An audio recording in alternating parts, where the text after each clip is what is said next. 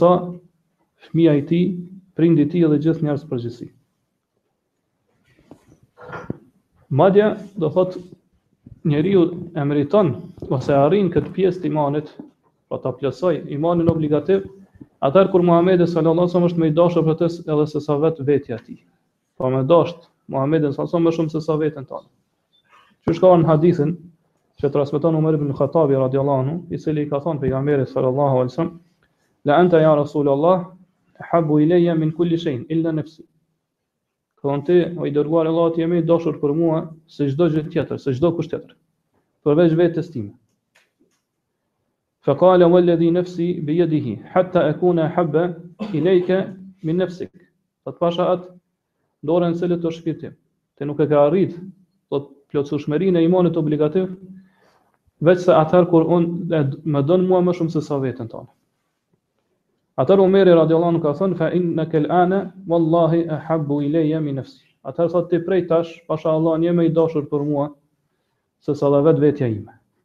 Fa qala al-ana ya Umar. Atëherë bën son gjon tani. O Umar, pra tani e ke arrit plotësueshmërinë e imanit obligativ. Po këtë hadith e transmeton Buhariu. Ai që nuk e ka arrit kët, po që pejgamberi sa me kanë ma i dashur për të se sa vetja e tij, atëherë ai llogaritet prej mëkatarëve të mëj. Po që i bën mëkat të madh Allahu subhanahu wa taala. Prandaj duhet me pas kujdes të madh. Duhet me provu veten tonë, me me pa se a është Muhamedi sa ma i dashur për ty, se sa vetja e jote. Pra personi këtu nuk llogaritet jobesimtar, mirëpo është një mëkatar më. Ngase çdo herë do po në gjuhën e shariatit, po në Kur'an dhe në Sunet të pejgamberit sallallahu alaihi wasallam. Kur vjen mohimi i një gjëje, do thotë emërtimi i një gjëje, në këtë rast është do thotë emërtimi i imanit, mohohet, pra një gjë që e ka urdhëruar Allahu dhe i dërguari i tij, gjithmonë për qëllim është Kur njeriu e braktis një prej obligimeve të asaj gjëje. Prandaj nëse ti e lën një obligim, ta ka bërë obligim Allahu subhanahu taala, atëherë ke bërë mëkat të madh. Mirëpo nëse vepra është e preferuar. Nëse vepra është mustahab e preferuar, sa i përket adhurimit ndaj Allahut subhanahu taala, atëherë sheriati nuk e mohon.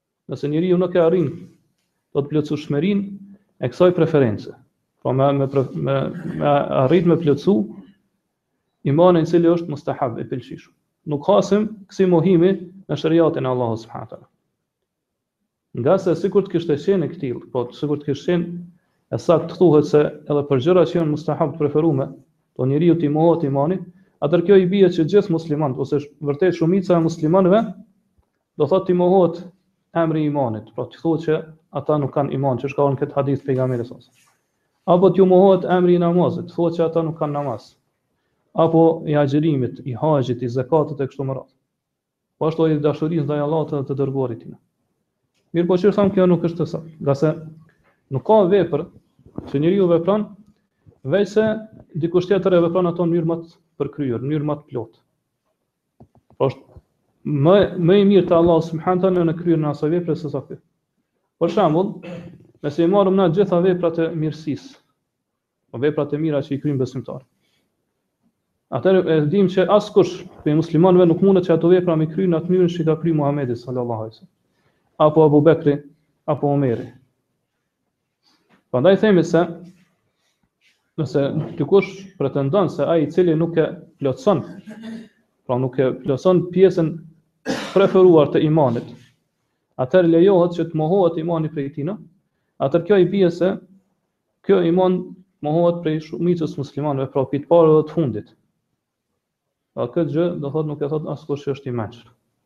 Prandaj kur dietarët thonë se imani i cili është mohuar në këtë hadith për qëllim është mohimi i plotësueshmërisë të imanit, atëherë nëse thënësi i kësaj fjale ka për qëllim mohimin e plotësueshmërisë obligative të imanit, Që njeriu nëse nuk e plotëson, do thotë në, nënçmohet prej Allahut subhanahu teala, edhe ekspozohet ndëshkimit të Allahut subhanahu teala, atëherë kjo është e saktë, do thotë personi i tillë e ka thënë vërtetën.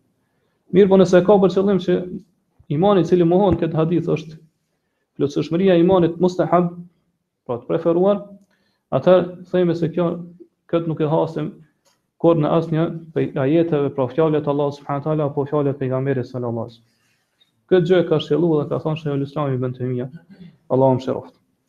Pastaj e shohim se e kemi përmendur në dersin e kaluar se shumica e njerëzve pretendojnë se e dojnë të dërguarin e Allahut Muhammedin sallallahu alaihi wasallam. E thonë se ai është më i dashur për mua se sa vetja ime. Pra thonë këtë shumica e njerëzve, do të thotë edhe krejt çdo musliman. Mirëpo për ta vërtetuar këtë gjë, atëherë patjetër duhet me sjell provën edhe dëshmi. E që është me vepru sipas sunetit të pejgamberit sallallahu alaihi wasallam. Pra me ndjek Muhammedin sallallahu alaihi wasallam. Përndryshe ai i cili pretend, e ka kët pretendim, edhe nuk e ndjek sunetin e pejgamberit sallallahu alaihi wasallam, atëherë themi se ai është gënjeshtar. Ngase vetë Kur'ani na ka sqaruar neve se dashuria e cila është në zemër, patjetër si rezultat e sjell edhe veprat e jashtme. Pra nëse ti me zemrën tënde e don pejgamberin sallallahu alaihi wasallam, atëherë atëherë patjetër kjo ka me reflektu në gjymtyrët edhe veprat e tua të jashtme. Patjetër ke me vepru sipas asaj cilës me të cilën të ka urdhnu pejgamberi sallallahu alaihi wasallam. Edhe ke me i braktis ato gjëra që t'i ka ndalu Muhamedi sallallahu alaihi wasallam.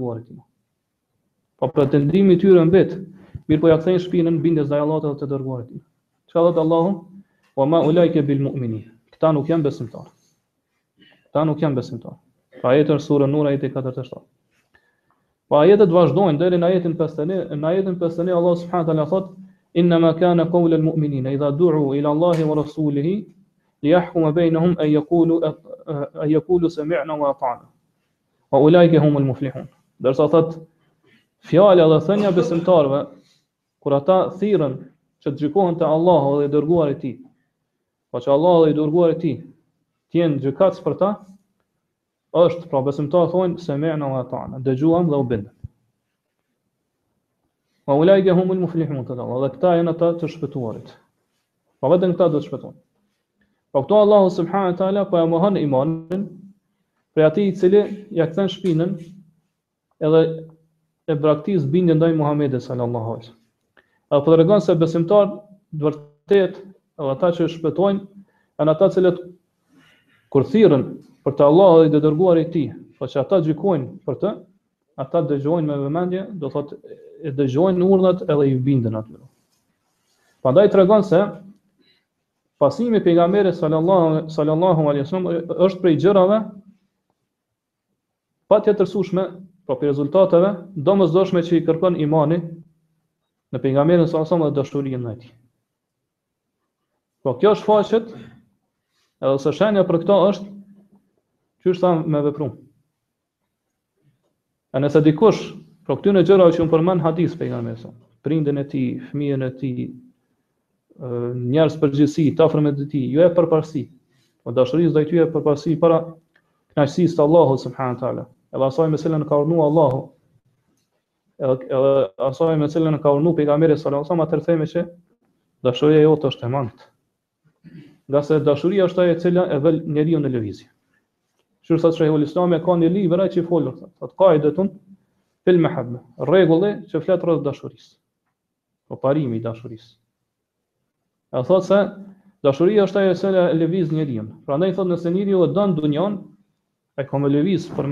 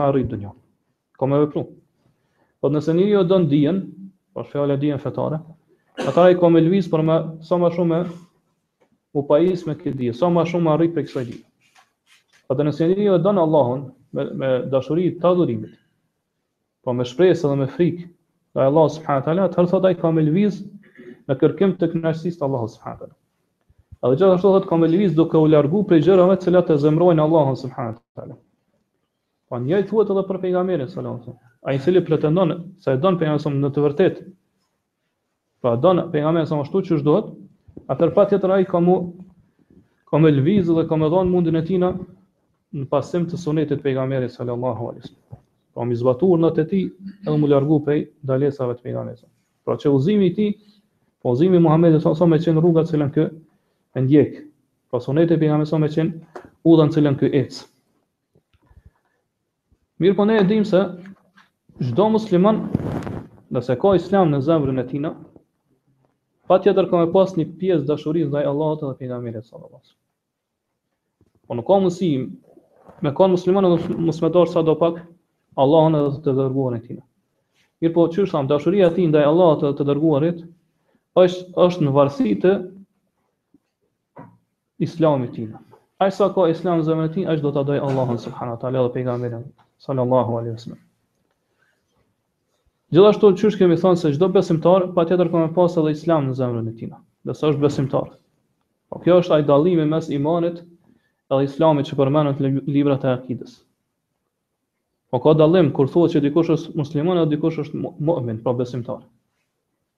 Po besimtari është gradë ma e lartë se sa muslimani.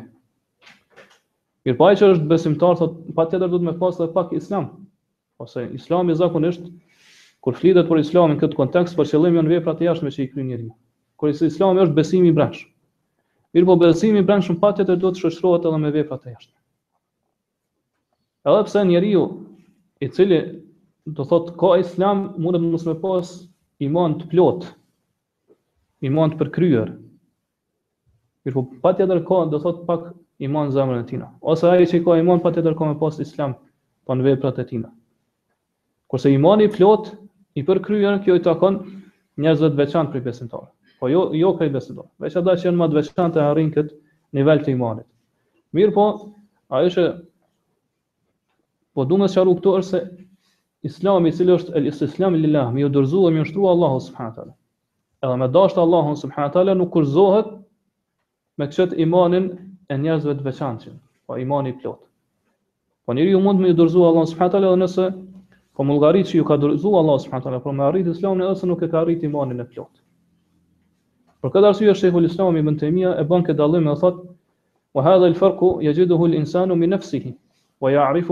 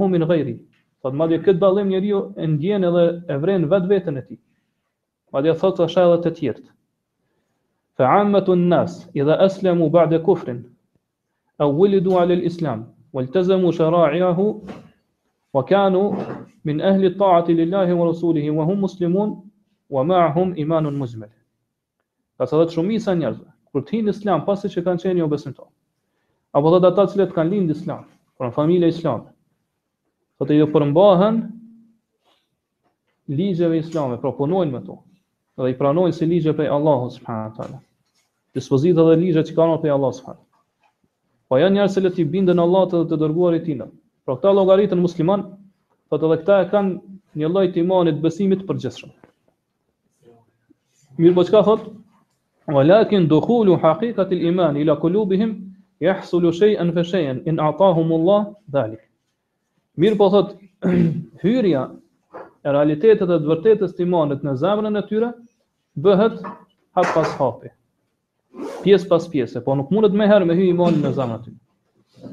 Mirëpo thotë, vetëm atëherë kur Allahu subhanehu teala ia jep këtë gjë, po me suksesin e inspirimin e Allahut subhanehu. Nëse Allahu ia jep, atëherë imani, besimi, gradualisht ka me hy në zemrën e tyre.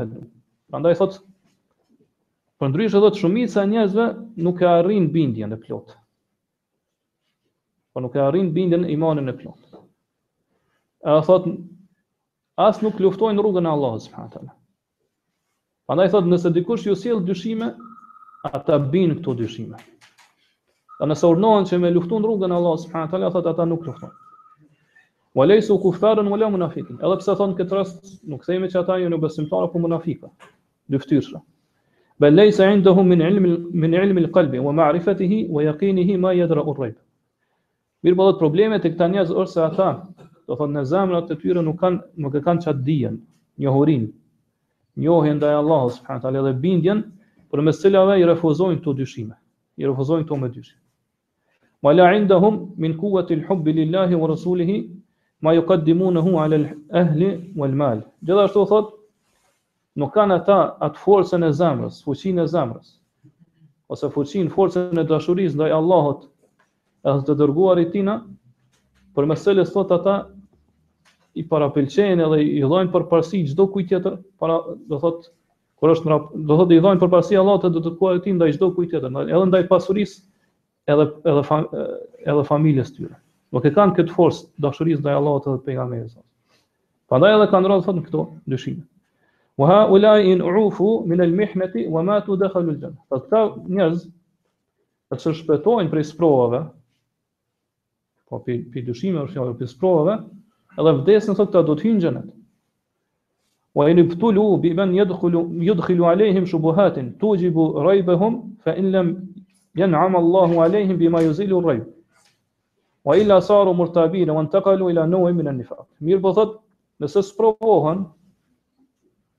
Po ata persona thotë të cilët vazhdimisht ju fusin dyshime në zemrat e tyre. Po dyshime të cilat pastaj thotë ju sjellin atyne në rezultat dyshim në fenë e Allahut subhanahu. Ata thotë nëse Allahu subhanahu taala nuk i begaton begaton këta me mirësitë e tina. Që me ia largu këto dyshime, Thot ata kanë bëhen prej atyre që janë kanë dyshim në fenë e Allahut subhanahu teala. Edhe në këtë mënyrë thot kalojnë edhe zhvendosen në një lloj të nifakut, dyfytyrësisë. Edhe këtu përfundojnë fjalët e Shehul Islamit Allahu e mëshiroft. Pra këtu pejgamberi sallallahu alajhi wasallam po na mëson se ai duhet të jetë më i dashur për ne se sa fëmijët, fëmijët e tonë. Pra këtu kur thot fëmijë, më i dashur se sa fëmija e tij, këtu përfshin edhe djemtë dhe vajzat. Edhe pse pejgamberi sallallahu alajhi wasallam këtu po e fillon me dashurinë ndaj fëmijëve. Ngase për personin njerëzit më të dashur janë fëmijët e tij. Po zakonisht te shumica e njerëzve njerëzit që më së shumti i lidhet zemra personit janë fëmijët e tij. Madje edhe ata i don më shumë se sa prindërit. Ngase fëmija është, fëmija jot është pjesë e jotja, pasi që ka dalë prej teje. Prandaj njeri, njeriu e don atë më shumë se çdo kënd tjetër. E pastaj po thot, wa walidihi, duhet me dashtë Muhammedin sallallahu alajhi wasallam më shumë se sa prindin e tij. Po për qëllim këtu është baba, gjyshi, stërgjyshi, katragjyshi, kështu me radhë. Këta këtu hinë, do thot, këta këtë janë prind të tu. Prind të tu, gjithashtu, do thot, nana, gjyshja, kështu me radhë. Ngase prindi është origjina, edhe ai është ai i cili do thotë është sjell me mirësi, të ka rrit ty dhe të ka kujdes. Është kujdes për ty. Do thotë edhe edhe pse ai do thotë e ka dhënë gjithë mundin që ty me të bë, do thotë ashtu qysh je sot, prapë Muhamedi sallallahu alajhi wasallam duhet me kanë më i dashur për ty se sa prindit. Wa nasi ejma'in sa të gjithë njerëzit. Këtu hin vëllezërit e tu, axhallarët, do thotë fëmijët e tyre, shokët e tu, tanë të afërmit e tu, pa të qyrë sa ma lartë, madje edhe vetë vetja jote. Ngase edhe vetja jote, edhe ti përfshihesh te njerëzit. Duhet me konë Muhammedi sallallahu alajhi wasallam më i dashur se, te ti, se sa gjithë njerëzit, do thot këtu hin edhe vetja jote. Pra imani jot, imani obligativ, nuk plotësohet, përderisa Muhammedi sallallahu alajhi wasallam s'është më i dashur për ty, se sa gjitha krijesat. Edhe vetë vetja jote. Po këtu, kështu po thot pejgamberi sallallahu alajhi wasallam për dashurinë ndaj tij. Atëherë si është puna kur flasim për dashurinë ndaj Allahut subhanahu wa taala. Po pa dyshim që Allah duhet me konë më i dashur për ty se sa çdo gjë tjetër. Pse duhet ta dojmë pejgamberin sallallahu alaihi wasallam? Pse duhet Muhamedi sallallahu alaihi wasallam me konë më i dashur për neve se sa edhe vetë vetja jonë? Kjo për disa arsye, për disa shkaqe. E para është se ai është i dërguar i Allahut, pra Allah e ka dërguar atë. E nëse Allahu subhanahu teala është më i dashur për ty se çdo gjë tjetër, atëherë patjetër duhet i dërguari i tij me kon më i dashur për ty se të gjitha krijesat tjera. E dyta është për shkak se pejgamberi sallallahu alaihi wasallam e ka adhuruar Allahun subhanahu teala me skajshmëri. Po adhurime shumë që ja ka kushtuar Allahu subhanahu teala. Sa që askush nuk ka nuk ka adhuruar Allahun subhanahu taala prej njerëzve më shumë se sa Muhamedi sallallahu alaihi wasallam. Për këtë arsye ne e duam pejgamberin sallallahu alaihi wasallam. Ai ka qenë i bindur dhe ka përulë Allahu subhanahu taala ka adhuruar atë në maksimum. Po ashtu, do thot pejgamberi sallam është ai i cili na ka kumtu dhe na ka përcjell neve shpalljen e Allahut subhanahu Për këtë gjë duhet ta dojmë bërë aso më shumë se sa veten tonë. E treta është se për shkak sjelljeve dhe moraleve të mira që Allahu subhanahu wa taala ia ka dhënë atij. Po morale të ndershme fisnike të mira, sjellje të mira që i ka pas pejgamberi sallallahu alajhi wasallam që pastaj ne ato duhet t'i ndjekim dhe i zbatojmë n'jetën tonë për këtë. E katërta është se pejgamberi sallallahu alajhi wasallam ka qenë shkaku që ti me u udhzu.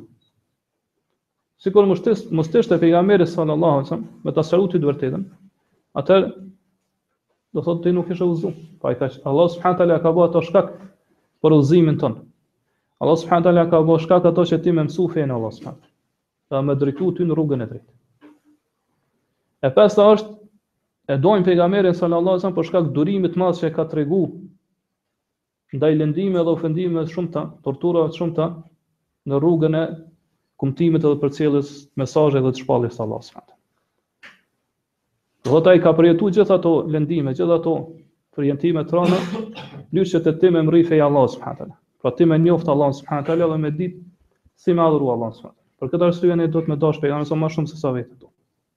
Po ai është ba shkak që ti me dit rrugën që të çon për xhenet edhe të fton për xhenet.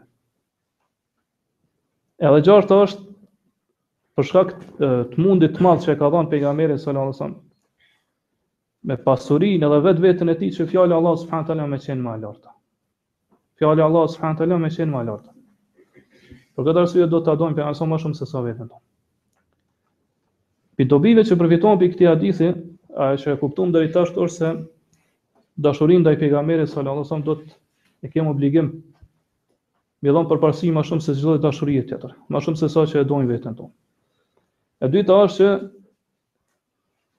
ne si musliman duhet të jemi me sakrifiku veten tonë për pejgamberin sallallahu alajhi wasallam. Po veten edhe pasurinë tonë.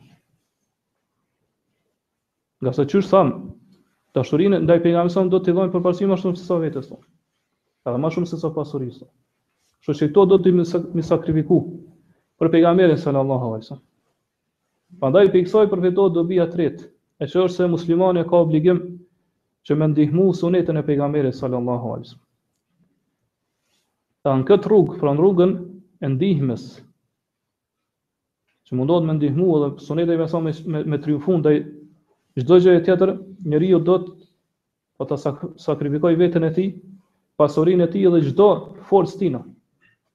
Çdo forcë, çdo fuqi që e kite, me dhonë në rrugën e ndihmës ndaj pega, sunetit pejgamberit së nëzë.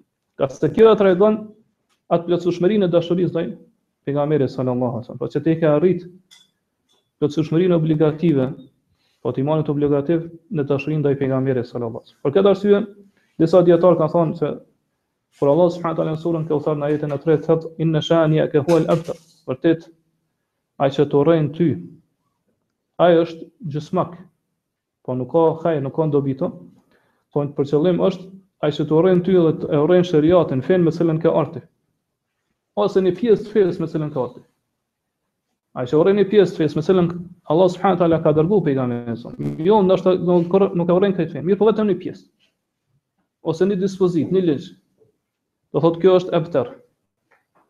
Po është i shkputur, nuk ka kurfar gjysmak, nuk ka kurfar hajre, kurfar mirësi në këtë person. Dhe dobia tjetër që përfitohet prej këtij hadithi, prej hadithi është se lejohet që njeriu me dash tjetrin për shkak të dhembshurisë që e ka ndaj. apo për shkak të respektimit edhe nderimit, pra që respekton dhe nderon për këtë arsye don. Por këto kemi folën kemi folën n'derset e kalume që kemi thonë se kjo hyn në dashuri natyrore. Pra, Pejgamberi s.a.s. thotë me kon ai me kon më i dashur për ty se sa min walidihi walidihi. Po se sa dashuria jote ndaj fëmisë tond edhe prindit tond. Pra këto po po e pohon pejgamberi s.a.s. që ti don njeriu do fëmin e tij. Edhe don prindin e tina. Po po e pohon atë origjinën e, e dashurisë. Po që se kjo është dashuri natyrore, këta nuk e mohon askush. Edhe kjo nuk hyn në dashurinë e adhurimit. Kështu që s'ka t'keq nëse ti e don fëmin tond për shkak se tregon dhimshuri, mëshirë për to. Apo e don prindin tond për shkak se respekton edhe nderon. E pesta është se është obligim që fjalën e pejgamberit sallallahu alaihi wasallam me i dhon përparësi para fjalës çdo kujt prej njerëzve. Kjo përfitohet prej këtij hadithi.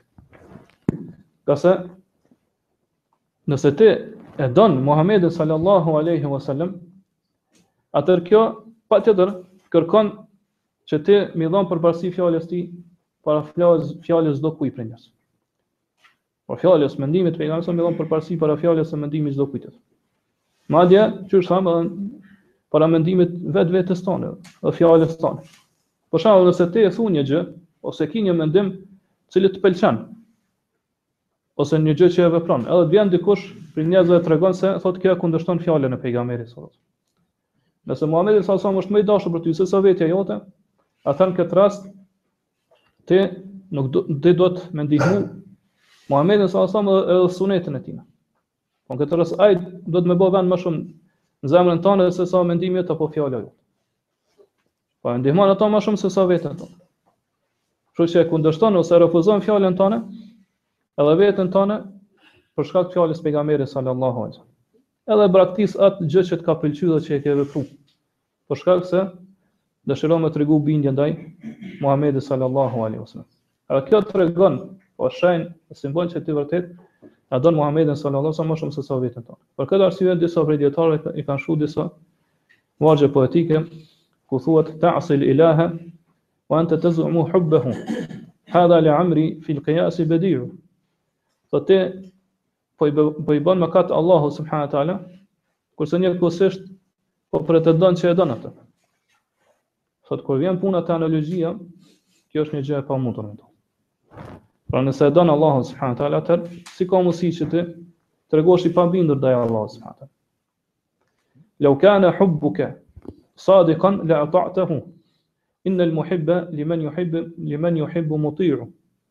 Andaj thotë nëse, sikur të kishe qenë dashuria jote e vërtet, atër do t'i bindeshe Allahut s.w.t. Ngase thotë ai që e dashuron, që e don dikon, patjetër ka me ju bind të dashurit. Andaj prej këtij prej hadithi përfitohet kjo dobi e madhe që është se muslimani ka obligim me i dhon përparësi fjalës pejgamberit sallallahu sallam para fjalës çdo kujt tjetër prej njerëzve. Edhe para fjalës t'Ebu Bekrit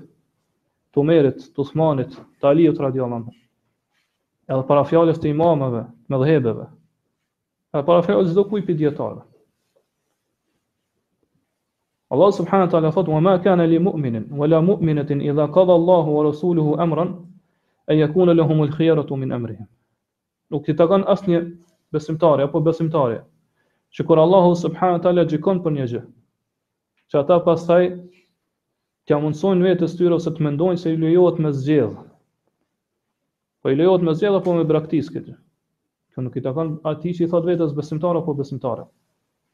Kur të vjen një urdhën, një gjë që ka, ka gjyku për të Allahu dhe të dërguari i tij, dhe i dërguari i tij me mendu që ky tash është i lirë me zgjedhë me pranua apo mos me pranua.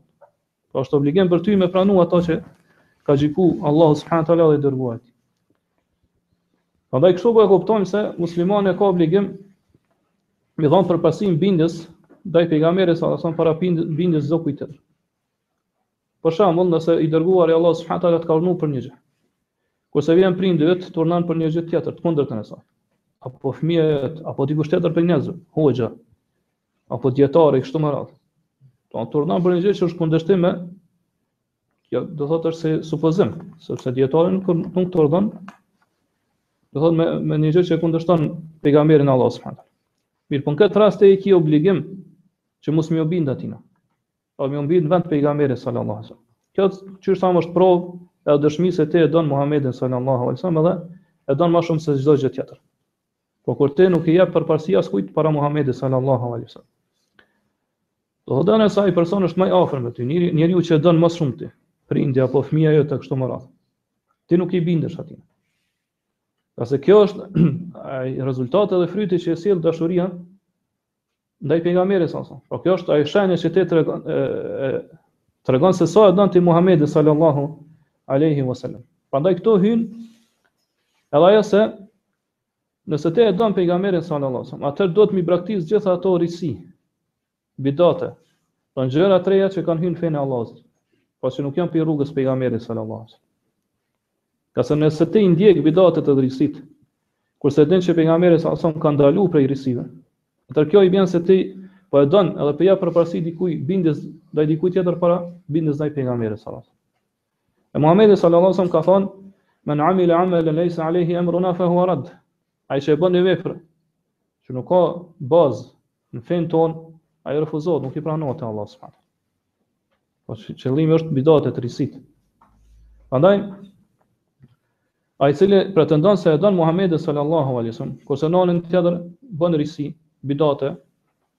Siç është për shembull bidati i mevludit, apo festimit dhe kremtimit të pejgamberit sallallahu alaihi wasallam.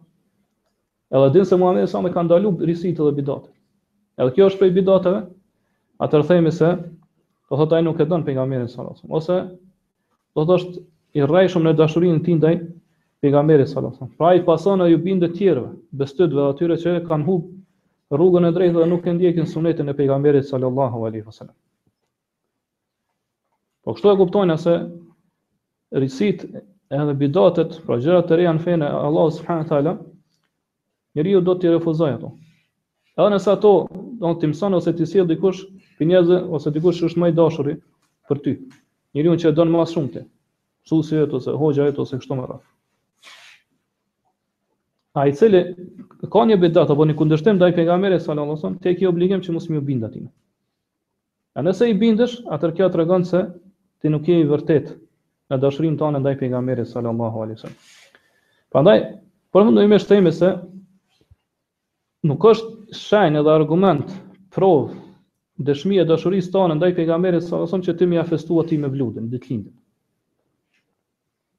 Ose do thot me do thot me pretendu thjesht me gjuhën tënde që ti e don atë. Po prova për dashurinë tënde ndaj pejgamberit sallallahu alaihi wasallam është me pasu atë. Qysh e pason atë? M'iu bind n'atë çka të ka urdhnu pejgamberi sallallahu alaihi wasallam. Edhe m'i besu bindshëm n'atë çka ka, ka tregu dhe të ka lajmëru pejgamberi sallallahu alaihi wasallam. Prej lajmeve të kaluame edhe të ardhmen që do ndodh.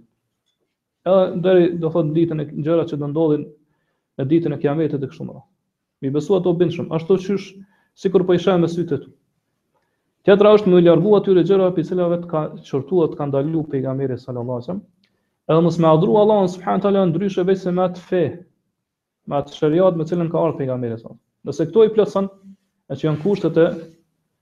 pjesës së dytë shahadetit Muhammedun Rasulullah, atëherë themi se te kjo është provë që tregon për dashurinë tonë ndaj pejgamberit sallallahu alajhi wasallam. Prandaj ne nuk i nuk i pranojmë pretendimet as për veten tonë as për tjerët. Nuk i pranohet don pretendimi i thjeshtë i dikujt që ai don pejgamberin sa. Derisa nuk e sjell provën, dëshmin. Atëherë ja pranojmë. Po e sjell provën për pretendimin e tij.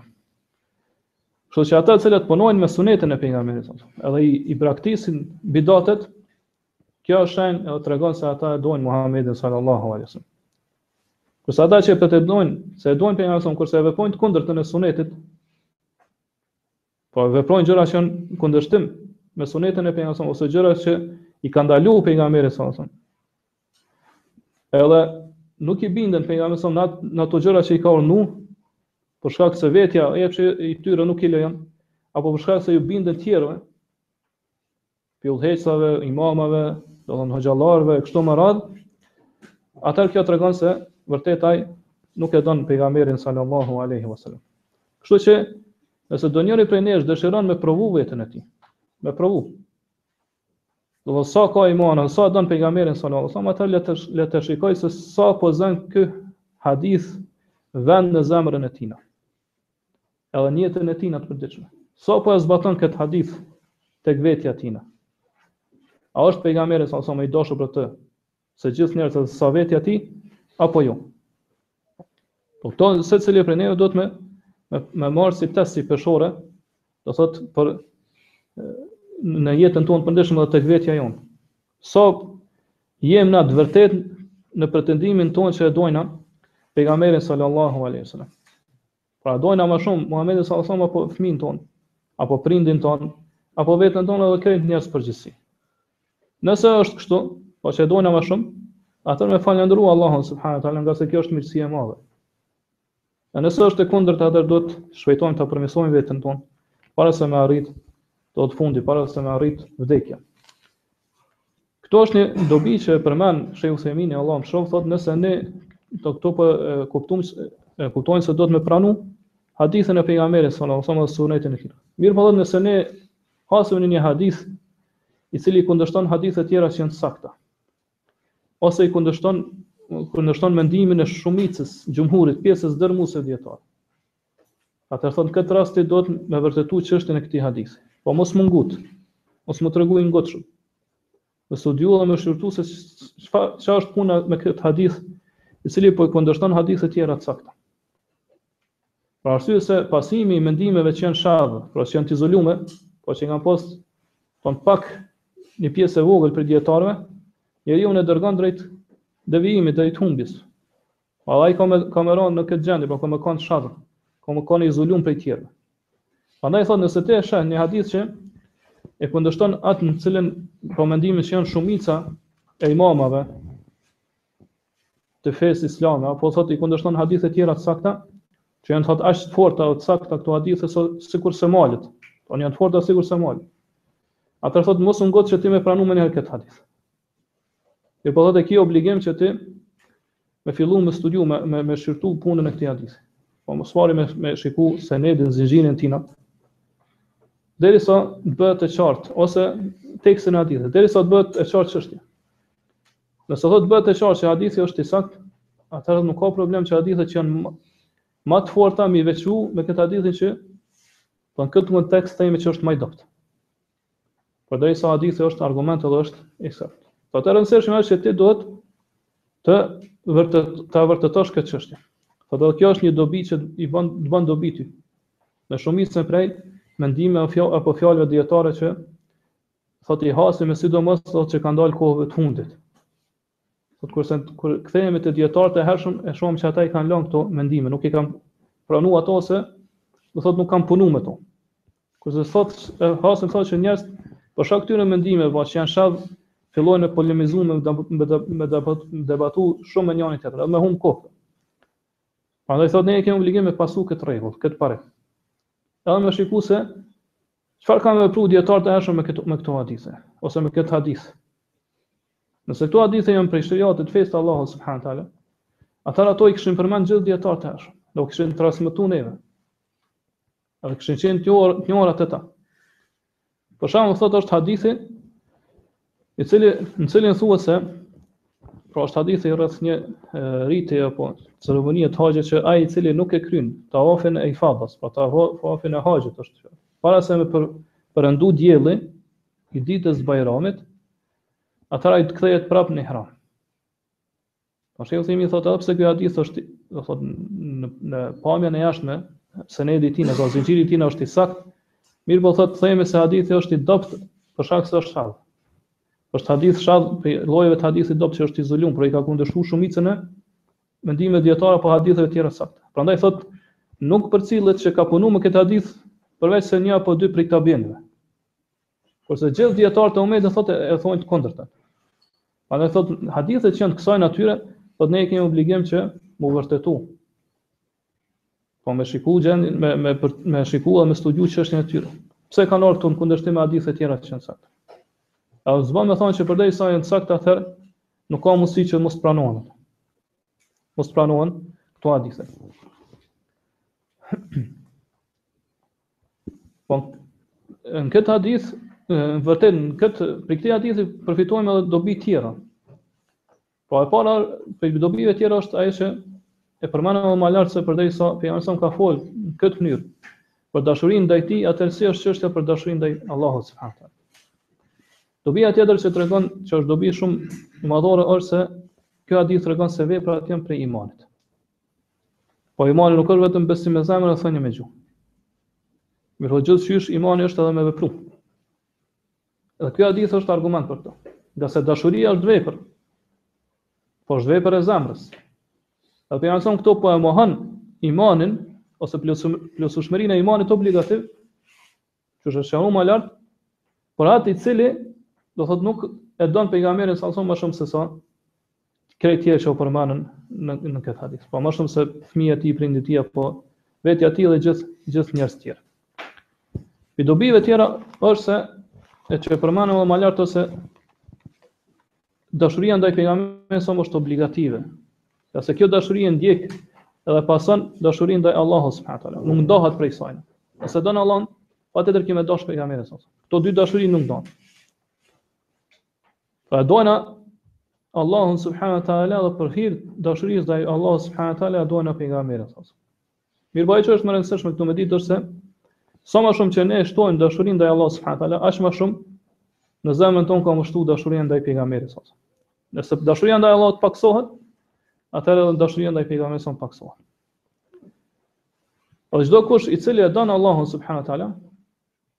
Atëherë patjetër, do thot ka me i dashtë edhe tjerët, që janë krijesa të dashura te Allahu për hir të Allahut.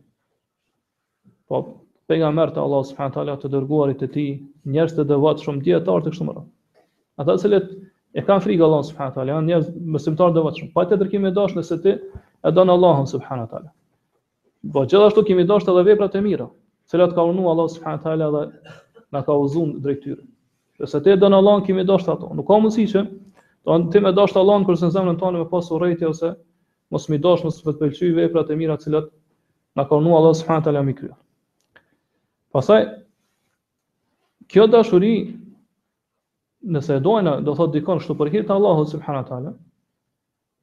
Nuk është dashuri e cila është e përzier me njolla të shirkut. Përveç rastit, kur dikush do thot i mështetet, mështeten këtë dashuri. Ose i mështetet personit cilin e don për hir të Allahut subhanehu ve teala. Edhe i mështetet në atë mënyrë saqë shpresat e tij i var te ai person. Po shpreson shumë atë pers atë person cilin e don, që ai ka mi sjell të mira ose gjëra që ky i don. A gjëra që ky i shpreson. Edhe gjithashtu do thotë ka me pas frikë prej tina. Që mos nuk ja largon gjërat cilat ky frikësohet prej tina. Nëse dikush e don tjetër përveç Allahut me këtë lloj dashurie, atëherë themi që kjo nuk është më dashuri për të Allahut, për lillah, mirëpo është dashuri me Allah.